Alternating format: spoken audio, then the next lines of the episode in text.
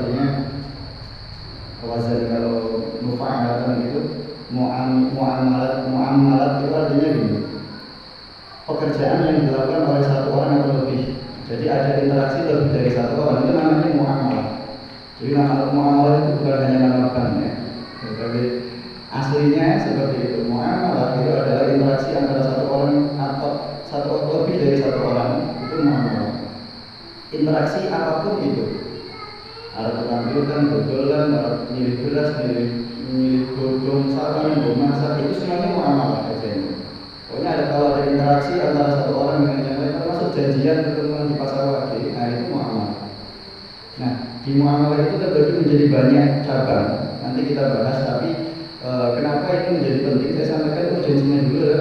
Ketika kita bahas tentang hadis riwayat Bukhari dan hadis riwayat Muslim, hadis ini masyhur. Ijtani bisab'al mubiqat. Bahwa Rasulullah SAW itu ijtani melarang meminta kita agar menjauhi sejauh-jauhnya sab'al mubiqat. Tujuh perkara yang bisa merusak menghancurkan. Itu harus kita jauhi sejauh-jauhnya. Kalau ya Rasulullah para sahabat itu bertanya ya Rasulullah apa itu tujuh macam yang menghancurkan itu? Rasul menjawab wa ma kunna qala ya, ya asyhadu billahi wa sihr wa qatl nafsi allati haramallahu illa bil jadi yang pertama adalah asyhadu billah. Dari tujuh hal yang menghancurkan yang pertama adalah syirik kepada Allah yang kedua wasilah sihir. Nah, jambi-jambi gitu ya. kalau apa namanya uh, Muslim kaya ada ya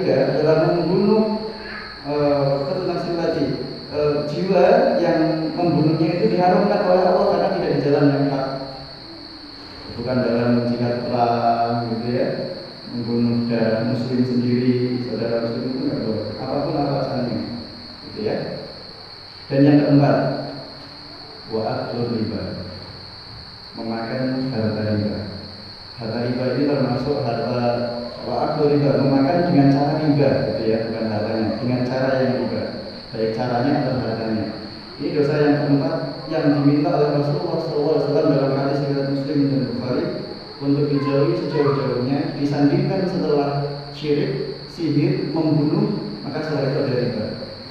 Zina, nyolong, merampok, itu jauh di bawahnya, sangat jauh di bawahnya. Zina, wah zina masih jauh. Kayaknya kita jijik kalau juga zina gitu ya, tetapi itu jauh di bawahnya. Nah, e, satu saja poin tentang olah riba ini, ini sudah cukup mewakili bagi kita bahwasanya kita penting banget untuk e, mengkaji tentang muamalah. Kalau riba, maka jatuhnya ke muamalah, transaksi. Jatuhnya kepada e, obrolan kita dengan. Janjian, gitu. itu muamalah itu, janjian itu, itu muamalah. Menghubungi e, rapat online ya, takmir kan sekarang rapatnya online gitu ya. itu sudah muamalah gitu. Dan nanti kita bahas e, jatuhnya ke waad, muadah atau akad itu beda lagi. Kalau yang di sini ada dari bankers gitu ya, dari bang saya mungkin tahu tentang akad. Tapi di atasnya akad itu ada muadah, di atasnya muadah itu ada waad.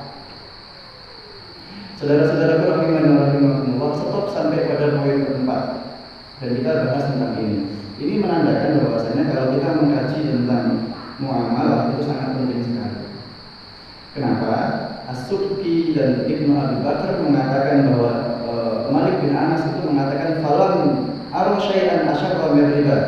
Tidaklah pernah aku menjumpai syai'an segala sesuatu yang pernah aku lihat itu asyarra yang lebih buruk min riba dari riba. Jadi beliau itu mengatakan perkara yang ada di muka bumi ini tidak ada yang paling buruk di matanya kecuali riba. Melebihi dari riba yang paling buruk. Lian kenapa? Karena lian Allah Taala karena Allah Subhanahu Wa Taala adina fihi bil Jadi Allah itu sudah menjanjikan bagi para pelaku riba itu dengan bil harb. itu perang. E, kita bayangkan kalau perangnya itu perang zaman sekarang. E, aku pernah melihat video akhir-akhir ini bagaimana cara tentara-tentara di sana negara-negara maju membuat senjata-senjata baru.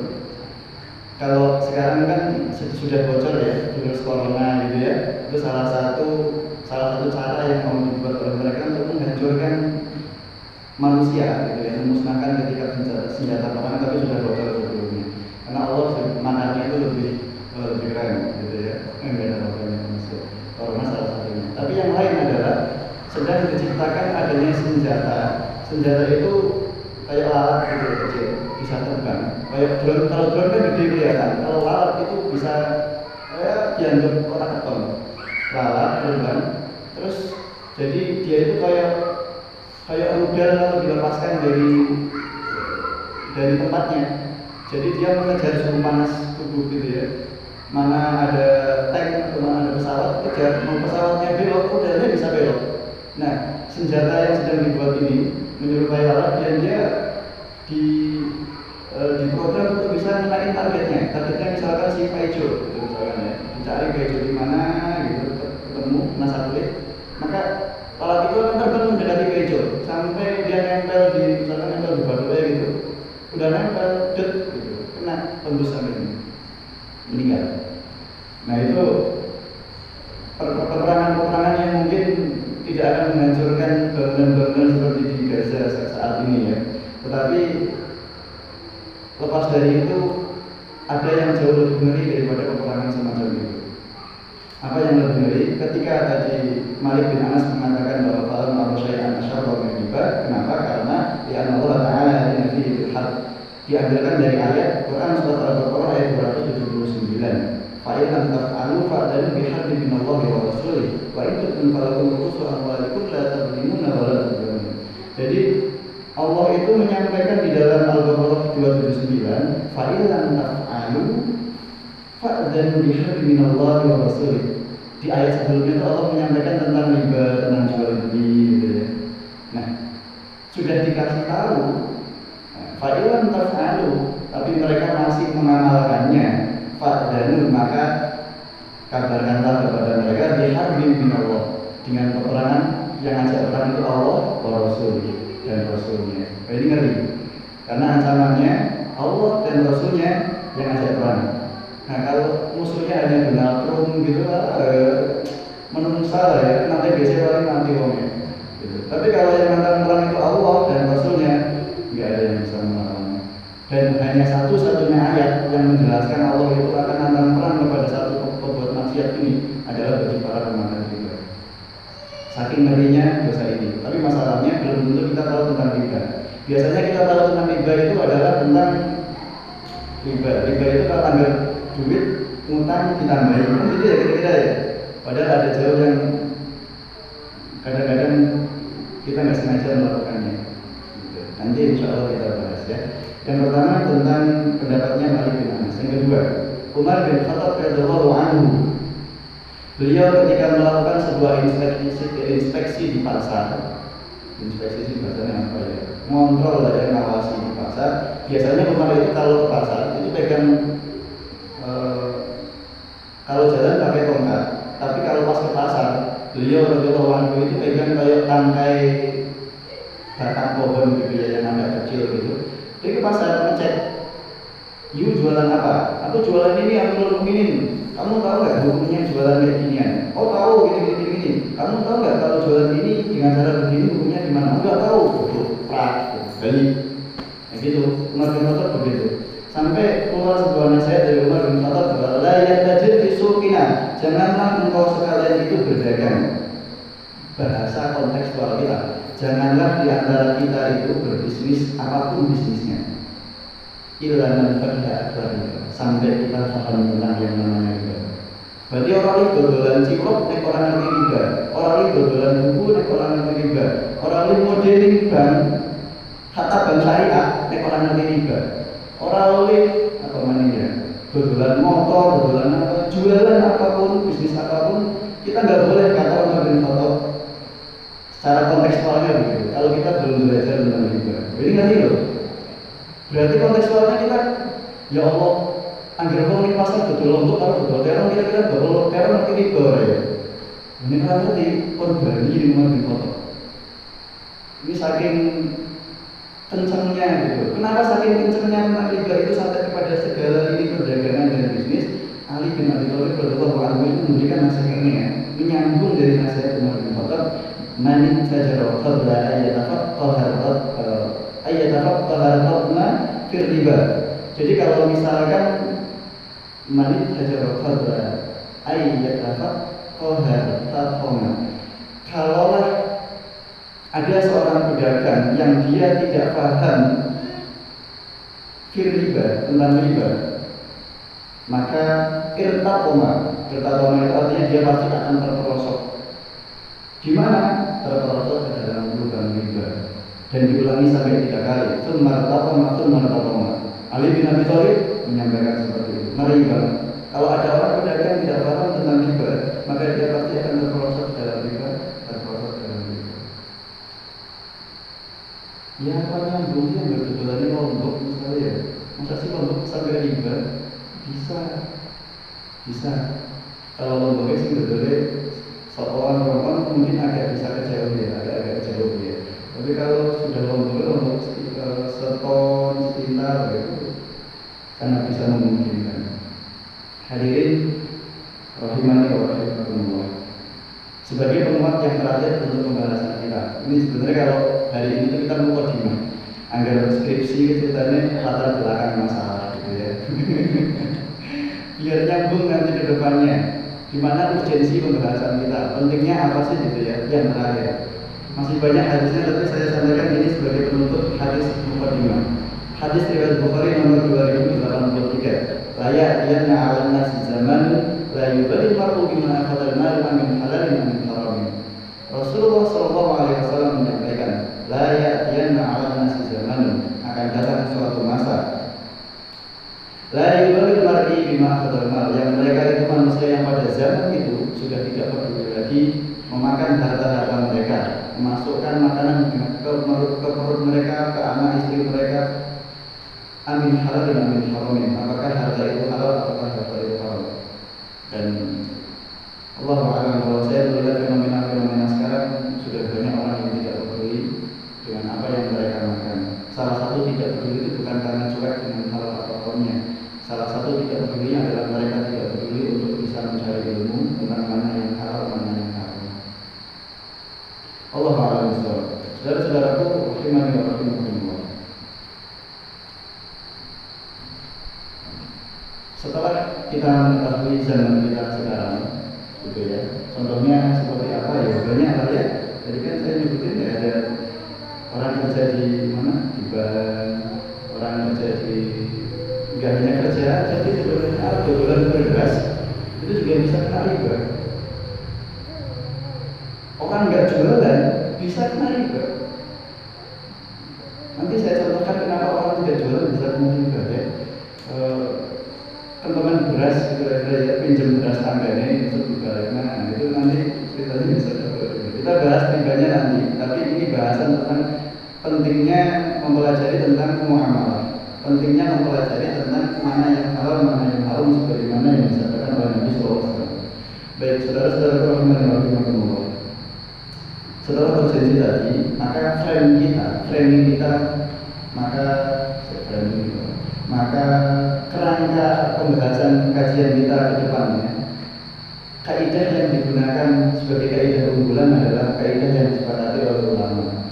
Dan Allah alam saya belum membaca ada ulama yang menyanggah atau membantah kaidah ini kaidahnya adalah al aslu fil muamalati al ibaha hatta yadil hatta yadil dari tahrimiha hukum asal al aslu hukum asal fil muamalah dari muamalah hukum asal dari dagang, hukum asal MLM, hukum asal asuransi, hukum asal arisan, hukum asal kondangan, terus pokoknya hukum asal semua segala sesuatu. Kalau umumnya lagi dalam al aslu fil asyari, tetapi dalam muamalah al aslu fil muamalati al ibadah. Ibadah itu bahasa kita mubah. Mubah. Mubah apa Pak? Mubah. Kalau di Banyumas mubah artinya apa? Mubah apa Pak? Sia-sia, mubazir ya Mubazir Mubah itu bahasa Arabnya ibahah Ibahah itu artinya Boleh Halal itu ibahah Halal itu mubah Teman-teman pesen gojek, grab Wah, hukumnya banyak gitu ya Itu baru gojek sama grabnya Belum GoFood, belum GoPay Wah, Masya Allah Dosa tok kan orang ngerti temenannya gitu Mending becak bae tapi agar becak malah tukang becaknya yang manjat ya. Ya Allah, Nah, ibadah itu artinya mubah. Mubah itu halal. Halal itu boleh, boleh dilakukan. Jadi hukum asal dari muamalah itu boleh. Hukum asal sebagai seorang developer membangunin ini, hukum asalnya boleh, tidak ada yang melarang. Allah tidak melarang setiap muamalah yang dilakukan oleh manusia. Tetapi kaidah itu diikuti dengan hatta yadil dari sampai apa yang dilakukan oleh si manusia itu ada dalil yang mengharamkannya. Jadi kalau ada dalil yang mengharamkannya, baru itu nggak boleh. Tapi kalau nggak ada, nggak ada masalah. Misalkan begini, kita pengen utang ke bank, boleh nggak? Hukum asalnya boleh. Islam itu hukum asalnya boleh. Pengen utang di bank. Nah kita baru cek nih, hutang di bank bagaimana? teknik teknisnya bagaimana, urutannya bagaimana, ada administrasinya apa enggak, ada dendanya enggak, ada bunganya enggak. Nah kita urai, urai satu-satu. Oh ini boleh, oh ini enggak boleh. Kalau ada satu yang enggak boleh, udah selesai. Karena tidak boleh mencampurkan yang hak dengan yang batil dalam muamalah seperti itu. Gitu ya. Nah itu kaidah yang kita gunakan sampai nanti ke depan, insya Allah. Pembahasan kita malam ini kita buka dengan al aslu fil mu'amalati al ibadah hatta yadulla dalil wa asal dari segala sesuatu itu boleh sampai ada kita dapati ada dalil yang diharamkan ada dalil yang mengharumkan tentang apa yang dilakukan sampai di sini paham ya beli sate hukum asalnya boleh. Tetapi bisa menjadi nggak boleh bisa menjadi haram. Kalau ada yang diharamkan cara kita belinya bagaimana belinya bagaimana itu nanti kita mulai gitu jadi jadi muamalah itu bahasnya begitu. Fikih bisnis itu bahasnya begitu. Semua bisnis yang kita lakukan boleh hukum asalnya. Nah di bisnis itu baru kita cari ada nggak hal-hal yang dilarang sehingga sebagai seorang pembelajar kita semuanya saya dan antum semuanya kita pelajari apa-apa yang tidak diperbolehkan di dalam Islam. Ini kebalikan dengan ibadah, gitu betul. Kalau ibadah, semua tentang ibadah hukum asalnya hak haram. Hukum asal ibadah haram. Apa ya sih? Iya. Sampai ada dalil yang menunjukinya gitu. Sampai ada dalil yang menunjukkan kita itu itibar kepada Rasul itu ibadah. Dibalik sama muamalah. Kalau muamalah itu masalahnya boleh tapi ada yang diharamkan enggak. Kalau ada dari haram. Kalau enggak beres bebas. Makanya kalau kita nanti besok kemarin-kemarin kita ada bitcoin terus ada apa ada apa nggak usah kita terlalu apresi dulu. Kita cek dulu seperti apa bitcoin seperti apa trading? Seperti apa di pasar saham gitu ya? Jangan langsung oh saya riba oh nanti dulu. Kita cek kita urai satu-satu. Gitu ya kita urai. Kalau kita nggak tahu jangan langsung mengatakan itu haram jangan mengatakan itu halal. Quran surat An-Nahl Allah mengatakan dan janganlah Allah mengatakan dengan mulutmu itu yang diharamkan Allah itu mengharamkan yang diharamkan oleh Allah mengharamkan sehingga Allah mengatakan waman adalah mimman iftara Allahul kadhib dan siapakah yang lebih zalim di antara kalian semua yang mengatakan halal itu haram yang haram itu halal mari jadi kalau kita belum tahu sabar, diam, diam dulu saja, gitu ya, diam dulu. Diam bukan berarti menang baik, diam itu bisa mencari ilmu. E, tidak komentar dulu, tapi cari ilmunya dulu. Kita mulai satu-satu tentang apa yang sedang kita hadapi pada waktu itu. Kita tutupnya dengan hadis riwayat Ibnu Hibban. Bahwa Abu Bakar As-Siddiq radhiyallahu anhu meriwayatkan sebuah hadis dari Nabi Shallallahu alaihi wasallam. Nabi menyampaikan Man nabata lahmuhu minas suhat Barang siapa Lahmuhu lahm Dagingnya minas suhat. Di dalam dagingnya itu ada sesuatu yang diharamkan oleh Allah Subhanahu wa taala fannari maka Rasul Shallallahu alaihi wasallam menyampaikan hanya neraka yang berhak berinya. Jadi Bapak Ibu rahimahnya rahimahullah misalkan di dalam daging kita ada sesuatu yang diharamkan oleh Allah kata Rasul SAW hanya neraka yang berhak baginya apa itu yang haram? Ibahnya ya tadi itu contohnya ada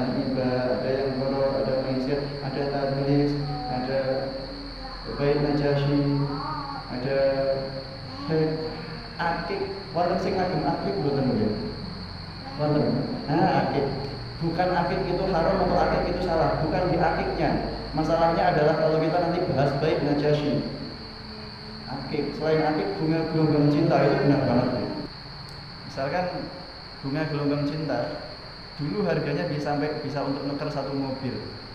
Bahkan kalau sing bibitnya sing cilik sebagai tikil cilik gelombangnya siji gelombang loro dihitung gelombang loro saya gitu ya pokoknya aneh-aneh harganya tapi kalau sekarang harganya kan tidak seperti itu, maka itu pertanda salah satu ciri-ciri baik najasyi. Apa itu baik najasyi? Adalah uh, ya contohnya itu gelombang cinta. Ada orang ngatur pasar agar harganya bisa naik pada waktu itu. Dia kaya sesaat, setelah momennya habis, dikembalikan kepada harga naturalnya. Akik sama aja. Ada politik harga di pasar yang dibuat khusus untuk mempermainkan harga. Gitu ya. Nanti pembahasannya insya Allah eh, nggak uh, tahu di pertemuan keberapa. Pokoknya kalau pas menjumpai Baik Najasyi kita bahas tentang contoh-contohnya. Salah satunya itu. Kalau di sini misalkan ada tetangga bapak ibu semuanya pernah menjadi salah satu korban gelombang cinta gelombangnya akik yang sempat harganya mahal jualan kalau beli itu kadang-kadang bisa mandan-mandan ngeles itu kan orang ngerti kan gitu ya. Tapi kalau jualan wis anu kebangetan. Orang ngerti dodolan nah, itu aneh. Orang ngerti kok dodol. Nggak tahu kok melakukannya itu mudah-mudahan Allah mengampuni dosanya karena itu termasuk hal yang diharamkan ketika masuk dalam bayinat Kenapa itu bisa terjadi dalam kehidupan kita? Yaitulah muamalah. Sangat banyak contohnya, sangat banyak e, penyimpangan yang bisa dibisikkan oleh setan di telinga kita masing-masing. Sampai-sampai saya pernah sampai-sampai saya pernah e, setengah tahun yang lalu kali ya. Enam bulan yang lalu sekitar enam, enam bulan sampai satu tahun yang lalu. Saya lupa berapa bulan yang lalu. Waktu saya di Jogja ada salah satu guru kami dari DSN MUI eh, dari Majelis Ulama Indonesia beliau di DSN Dewan Syariah Nasional. Berarti bagian bagiannya MUI bagian yang buat fatwa khusus untuk muamalah. Jadi kalau ada bank ada apa-apa ada fatwanya berarti beliau-beliau yang buat fatwa. Ketika ketemu beliau dalam sebuah majelis kami satu kelas kemudian saya menanyakan Ustadz bagaimana hukumnya ketika uh, saya sebagai contohnya? Karena saya ada usaha laundry sepatu ini bukan iklan saya menceritakan tentang pertanyaan waktu itu untuk diambil ilmunya. Saya ada usaha laundry sepatu Ustaz. ketika orang sedang mau nyuciin sepatu itu kan dibungkus plastik resek gitu masa bodong gedangan dong mungkin? Plastik resek nah plastik resek itu kan berarti masuk di outlet kami Ustaz. Kemudian plastik resek itu kotor. Sepatu yang dimasukkan ke kami kan sepatu yang mau dicuci. Berarti sepatunya kotor. Kadang sepatu baru dan mambu ini mambu ceker tuh. Terus pokoknya sampai plastiknya melu ketularan gosok gitu ya. Terus gimana nih Ustaz? Apakah plastik ini kami buang atau plastik ini kami simpan kemudian saya kembalikan kepada yang punya? Karena kalau saya khawatir plastik ini tidak saya kembalikan, nanti saya di akhirat saya dituntut oleh yang punya plastik gara-gara saya ngambil plastiknya. Ini hal yang sepele. Ini baru laundry sepatu, lah laundry pakaian. Pakaian bukan kuata. Kadang-kadang kan orang kalau nyuci tidak satu tas yang gede itu loh yang gambar kadang menara Eiffel ada apa gitu tuh. Bukan tas itu kadang-kadang anggar mahasiswa itu kalau nyuci paling ya ya sekilo orang kilo diwadahi nih plastik resek Coba bayangkan kalau misalkan mahasiswa yang bawa plastik resek itu dibawa ke laundryan, terus pas pas sudah jadi itu plas, e, bajunya sudah wangi sudah dilipat tapi dengan plastik yang baru. Tapi plastiknya si mahasiswa nggak dibalikin meskipun plastiknya kotor. Kalau si mahasiswa ini nggak ridho, jalan haram gitu. Sampai semacam itu loh mau amalah kita pikirkan gitu ya. Makanya kalau kita pas lagi menjumpai hadis yang kayak gini, mana katalah mu'minas suhat fannaru aulabi Barang siapa yang di dalam dagingnya mengalir dalam darahnya, ada dalam, menempel di tulang-tulangnya itu ada sedikit aja hal yang diharamkan oleh Allah, fannaru aulabi Maka neraka yang paling berat baginya. Kenapa? Ya Allah, neraka itu paling senang bagi manusia-manusia yang melakukan hal, hal yang haram, yang mereka makan hal-hal yang diharamkan oleh Allah. Ngeri loh, tipis banget kata sampai plastik resek sing wis bosok. Itu kalau punya orang ya kita balikin karena hak orang lain. Sampai seperti itu. Gitu ya. Allah alam besar ini kisah ini hanya uh, saya sampaikan uh, insya Allah tidak ada unsur apa pun dari saya kecuali melainkan mudah-mudahan bisa kita ambil hikmahnya bersama-sama. Uh, ya khawatir isanya nanti terlalu lambat. Jadi uh, pertemuan kali ini baru sampai di latar belakang mukodimah gitu ya. Kata pengantar barangkali. Nah, pendahuluan yang awal. Nah setelah itu pertemuan ke depan nanti kita bahas tentang yang lebih lagi ya tentang wa'ad, mu'adah, bahas akad, rukun akad, syarat-syarat akad, baru nanti macam-macam akad eh, dan seterusnya. Dan seterusnya. Insya Allah mudah-mudahan Allah berikan kita kesehatan, berikan kita kesempatan untuk selalu bisa berkumpul dalam majelis ilmu dan mudah-mudahan Allah selalu membukakan hati, kita untuk selalu ikhlas di dalam majelis-majelis ilmu. Allah alam besar, barangkali ada pertanyaan. Ustaz, hmm. tadi kan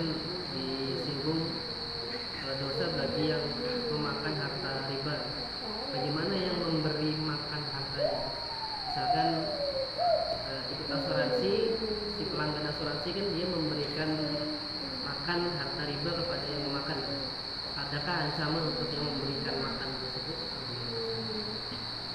Rasulullah SAW menyampaikan dalam sebuah hadisnya bahwasanya dosanya sama bagi siapa? Bagi orang yang memberi riba, orang yang menerima riba, orang yang mencatatnya, orang yang sebagai saksinya. Dosanya sama. Ngutangi duit semiliar. Oh, kita belum bahas riba. Ya, wes riba di situ. ya. Seberapa urgennya riba ini bisa kita bahas? Riba itu masya Allah. Eh, definisinya pertemuan ke depan ya insya Allah ya. Tapi gini aja. Riba itu aziyadah, tambahan. Bisa menjadi naf'an, bisa jadi manfaatan, bisa manfaat, bisa menjadi kebermanfaatan. Nah, riba itu saking ngerinya adalah kata Rasulullah SAW dalam sebuah hadis riwayat Abu Dawud itu disampaikan satu dirhamnya satu dirham satu dirhamnya sekitar hitung puluh ribu hitung puluh lima ribu. Yang dimakan oleh seorang tak rojul seseorang rojul itu diartikan laki-laki tapi dalam konteks hadis diartikan manusia. Mau laki-laki mau perempuan karena rojul punya kaki pijlun gitu ya.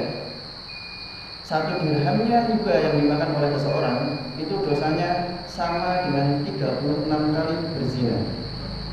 70 pitung puluh ribu berarti bunga itu sama dengan 36 riba coba kita bayangkan orang yang kerja di bank sing ngutangi sampai sebulan targetnya 200 juta 500 juta dibagi pitung puluh ribu berarti berapa juta kali dia berzina sehari ya Allah.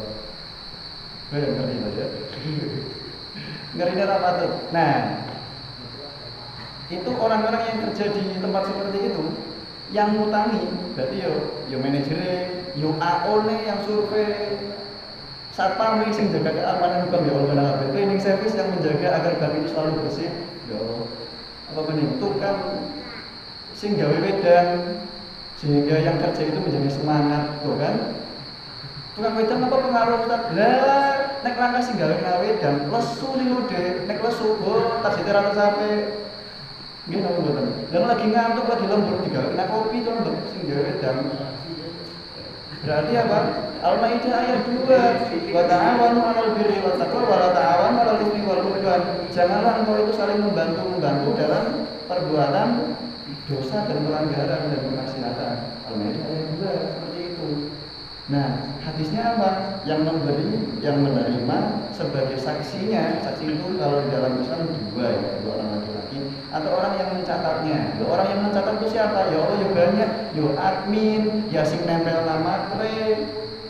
Tanggane misalkan ya, anak bang bang ucap-ucap itu yang setiap hari datang kayak dari suku tertentu gitu ya, yang punya harian bawa tas digendong di sini itu ya.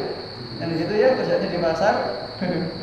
Terus datang ke rumah utang. Nah, si beliau yang utang ini tuh, yo ini nggak bisa di ACC kalau belum ada saksinya. Ya terus antum jadi tetangganya, diminta sama tetangga sebelah, Mas tolonglah, jadi saksi lah. Dengan anu cair, ya tak tolongi lah saksinya melakukan ini. Nah, ya Allah Pak, dosanya baik. Demi Allah pada dosanya.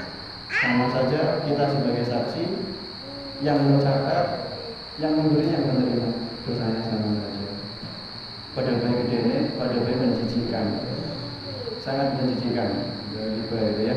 Uh, ya insya Allah pertemuan ke depan kita bahas tentang tiba ya. Tentang pengertian definisi lingkup macam-macam dan contoh dalam keseharian kita itu seperti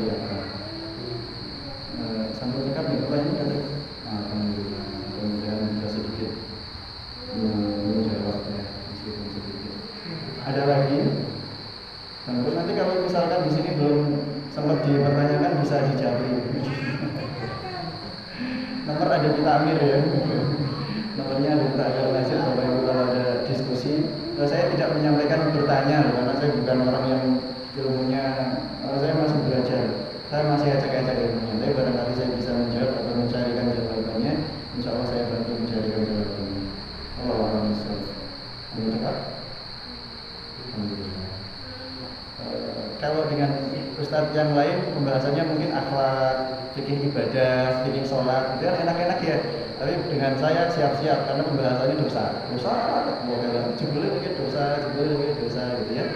E, ibarat kalau sahabat Nabi itu e, Zaifar ibn Yaman, ketika sahabat yang lain itu menanyakan kepada Nabi tentang amalan-amalan kebaikan, tentang kebajikan, sholat, sunnah gitu ya. Hudzaifah ibn Yaman itu menanyakan kepada Nabi tentang kemaksiatan, dosa, pokoknya kebaikan para sahabat yang lain.